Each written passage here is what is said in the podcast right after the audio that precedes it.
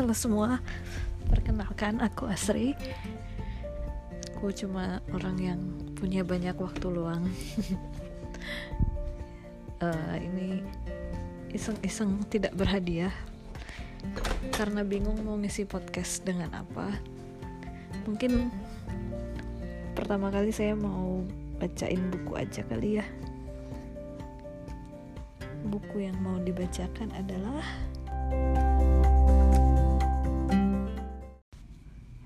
bukunya Harper Lee yang judulnya Go Set a Watchman. Itu Go Set a Watchman itu naskah pertama yang diajukan Harper Lee pada penerbit sebelum To Kill a Mockingbird. Kayaknya kalau To Kill a Mockingbird semua orang udah tahu ya. Yang memenangkan Pulitzer. Nah, setelah 6 tahun 60 tahun dianggap hilang, naskah berharga itu naskah Go Set Watchman ini ditemukan pada akhir 2014. Akhirnya dibuat diterbitkan pada tahun 2014 itu ya kita coba baca dari bab satu aja ya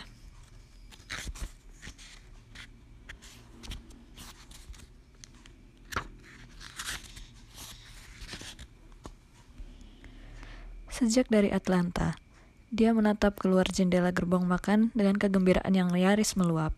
Sambil menikmati kopi pagi, dia melihat bagian terakhir perbukitan Georgia menghilang dan tanah merah mulai muncul, disertai rumah-rumah beratap seng di tengah halaman yang tersapu bersih.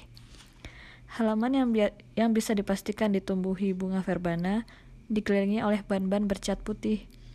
Dia meringis ketika melihat antena TV pertama di atap rumah negro dan tidak ber yang tidak bercat. Bersama semakin banyaknya antena TV yang dilihatnya, rasa senangnya membuncah. Jean-Louis Finch biasanya menempuh perjalanan ini melalui udara. Tapi, dia memutuskan untuk menumpang kereta api dari New York ke Maycomb Junction pada perjalanan pulang tahunan kelimanya. Salah satu alasannya, dia ketakutan setengah mati pada penerbangan terakhirnya, karena sang pilot membawa pesawatnya terbang menembus tornado. Alasan lainnya, pesawat Menaiki pesawat berarti membiarkan ayahnya bangun pada pukul 3 pagi, mengemudi 160 km untuk menjemputnya di mobile, dan tetap bekerja penuh sesudahnya. Ayah sudah 72 tahun dan ini tidak adil lagi. Keputusan untuk berkereta membuatnya lega. Kereta api telah banyak berubah sejak masa kecilnya, dan ini menjadi pengalaman baru yang menyenangkan. Seorang portir yang mirip jin gemuk muncul ketika dia menekan tombol di salah satu dinding ada sebuah baskom cuci tangan baja yang bisa digunakan sesukanya di dinding, di dinding lainnya, dan ada pula sandaran untuk kaki. Dia bertekad untuk tidak terintimidasi oleh beberapa pesan tercetak yang ditempelkan di kompartemennya, kabin tidur mereka menyebutnya.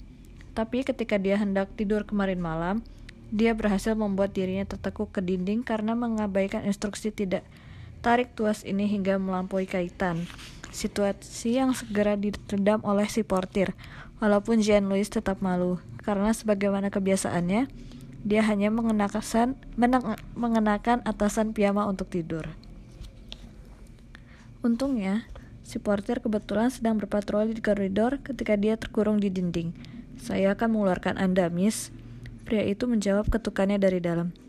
Jangan, tolong, katanya. Beritahukan saja caranya padaku. Saya bisa melakukannya sambil mengunggungi Anda, katanya. Dan itulah yang kemudian dilakukan si portir. Ketika Jean Louis terbangun esok paginya, kereta api tengah melaju melintasi Atlanta. Tapi, untuk mematuhi rambu lain di kompartemennya, dia tetap ber ber berbaring hingga kereta melewati College Park. Setelah itu, dia berpakaian, mengenakan busana Maycomb-nya, celana panjang abu-abu, blus hitam tanpa lengan, kaos kaki putih, dan sepatu pantofel.